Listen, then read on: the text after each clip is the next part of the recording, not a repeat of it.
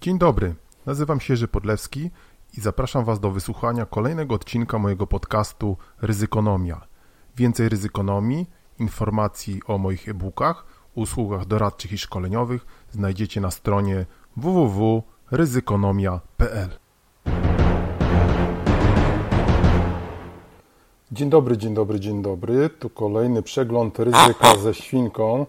Ostatnio było eksperymentalnie, więc wybaczcie, odsłuchiwałem to. Są tam pewne chyba przerwania, może to kwestia słuchawek. Pracuję ciągle nad tymi nowymi urządzeniami, ale widzicie, chociażby dzięki temu mogę częściej nagrywać, e, a przecież chyba treść jest najważniejsza, content jest najważniejszy. No to chyba dosyć jest mocne takie, że tak powiem, stwierdzenie i mocno dyskusyjne, szczególnie w czasach, szczególnie w czasach tego całego SEO, prawda, tego pozycjonowania.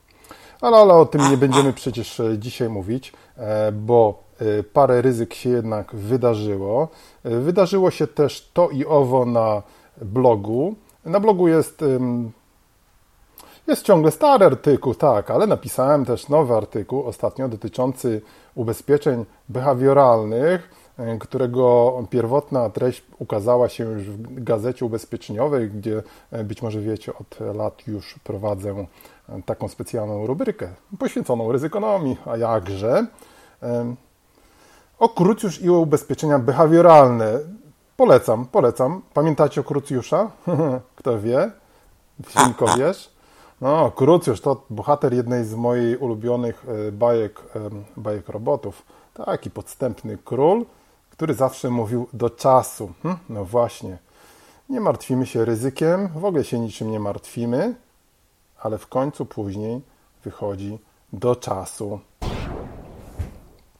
No dobrze, dobrze, dobrze. Tak, świnka mi tutaj przypomina.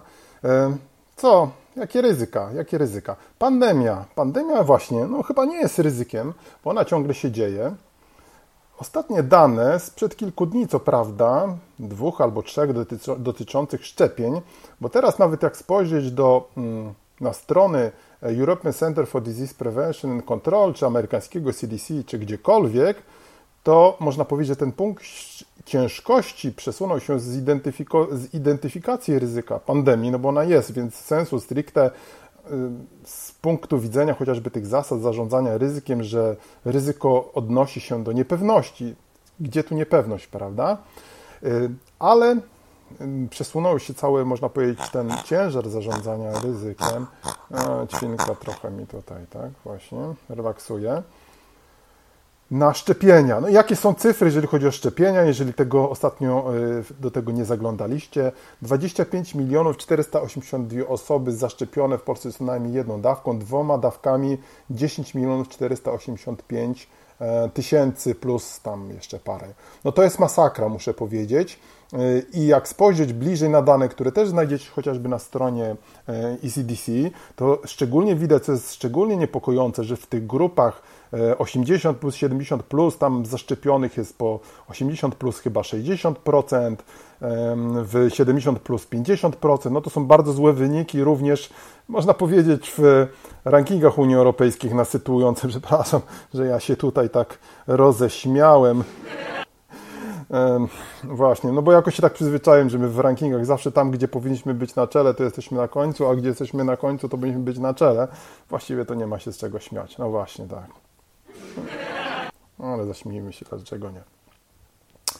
Y, I szczególnie jeżeli chodzi o te grupy wysokiego ryzyka, a więc 80, plus, jest e, bardzo słaba wyszczepialność. No i tak, no szykuje nam się czwarta fala.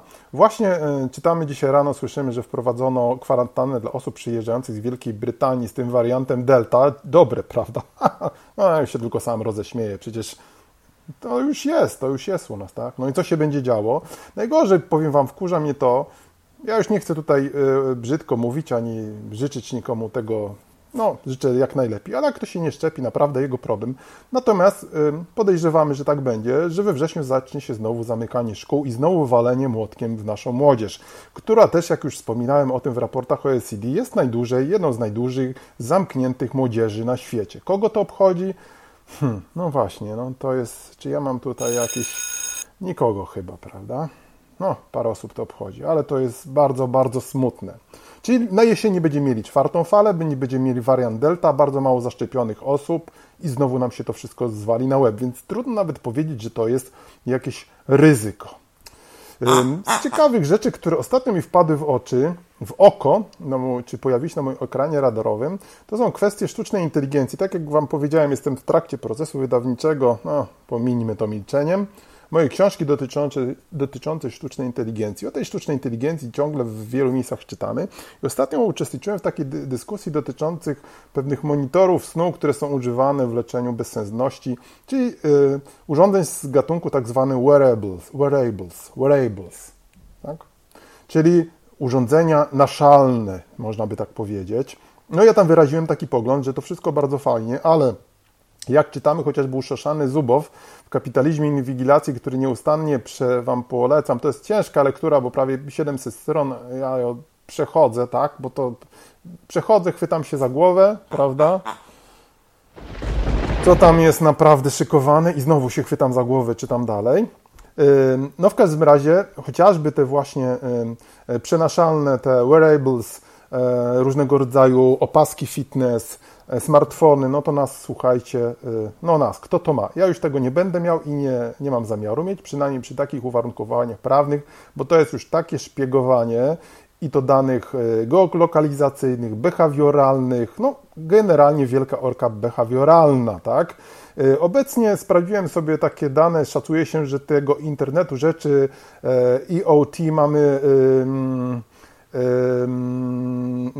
mamy w Mamy na świecie jakieś 20 miliardów.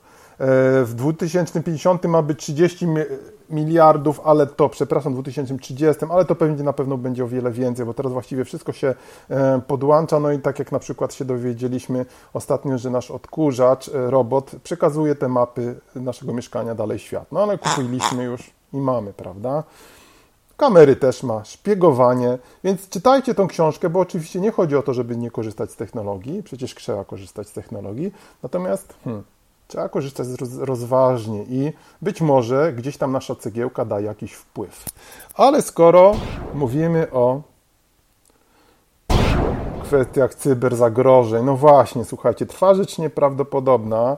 Publikowanie tych danych w tym komunikatorze, o którym nikt nie mówi głośno, no to jest coś w ogóle nieprawdopodobnego, co się dzieje. A co jest dzisiaj najważniejsze? Mecz. Mecz, kochani. No, jeszcze raz bym się prawda zaśmiał. Coś nieprawdopodobnego. W ogóle nie wiem, jak to skomentować. Bardzo mocnymi słowami. No, okazuje się po raz kolejny, że najważniejsza jest kultura zarządzania ryzykiem, a nie nawet nie wydatki na najdroższe, najdroższe ustrojstwa, różne mechanizmy, hardware, software, ale z drugiej strony ja Wam powiem, że w tym akurat przypadku to ja bym nie używał słowa kultury za, zarządzania ryzykiem. To, jest, to są działania zupełnie z innej, można powiedzieć, domeny yy, i tego bym akurat nie nazywał zarządzaniem ryzykiem. No, nie, nie powiem tego. Może będzie czas, że będzie można takie rzeczy mówić, a i miejsca też się znajdą. Następna rzecz, kwestie makroekonomiczne, tak już bardzo krótko. Inflacja. O inflacji mówi się od dawna, ale też dowiadujemy się nieustannie, że jest jakiś amok na rynku nieruchomości. Wszyscy kupują jak szaleni i mamy ewidentnie powtórkę, ale chyba na steroidach, e, sytuacji kredytami frankowymi. Wczoraj Czechy i Węgry nawet, proszę, podwyższyły stopy procentowe, a w Polsce w ogóle nic się na ten temat nie mówi. I najwyraźniej szykuje nam się takie duże może tak? Nie chcę powiedzieć znowu brzydko co, że no naprawdę ludzie będą płakać na ulicach. E, co robi na, na, e, Narodowy Bank Polski, Rada Polityki Pieniężnej, biorąc pod uwagę, że to już jest daleko poza celem inflacyjnym, że już jest mowa, że to się wszystko wymyka spod kontroli, nic nie robi, no bo oczywiście nie może tym ludziom powiedzieć, że nie bierzcie kredytów, no bo jakby to brzmiało. No my krótko mówiąc powiemy, to już na zakończenie, tak? Nie idź ta ludzie tą drogą. Naprawdę, nie idź ta tą drogą. I to by było na tyle. Żegnam Was Świnka, żegnam, wam, żegnam Was ja. Do usłyszenia, do zobaczenia wkrótce.